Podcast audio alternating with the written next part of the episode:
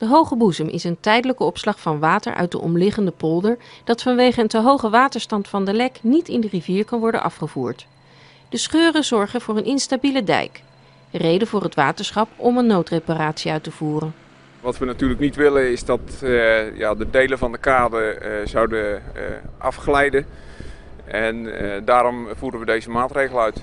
Dat wil zeggen dat we de kade zelf, de kruin waar we hier op staan, wat verlagen. En de klei die daar vanaf komt en dat gewicht verplaatsen naar de binnenzijde. Waardoor we een betere gewichtsverdeling krijgen, waardoor de kade weer stabiel wordt. De schade aan de kade komt voor het waterschap als verrassing, want de dijk is in 2011 nog verhoogd en versterkt. Mogelijke oorzaken van de instabiele dijk zijn de slappe grond en de harde wind van begin januari.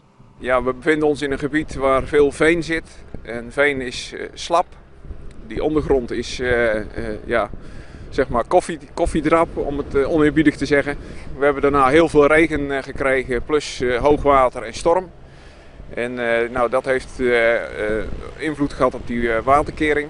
We zijn nu driftig bezig om te onderzoeken wat de oorzaken precies zijn en ja, om het straks ook definitief goed op te kunnen lossen. De noodreparaties zijn niet moeilijk, maar de smalle kade maakt het wel lastig om met grote machines te werken. We zijn voortvarend van start gegaan. alleen gisteren is dat ja, wat, wat anders gelopen dan we verwacht hadden. En ja, is er inderdaad een kraan in de sloot gezakt. Die is er inmiddels gelukkig weer uit en ja, hebben we kleine materieel ingezet.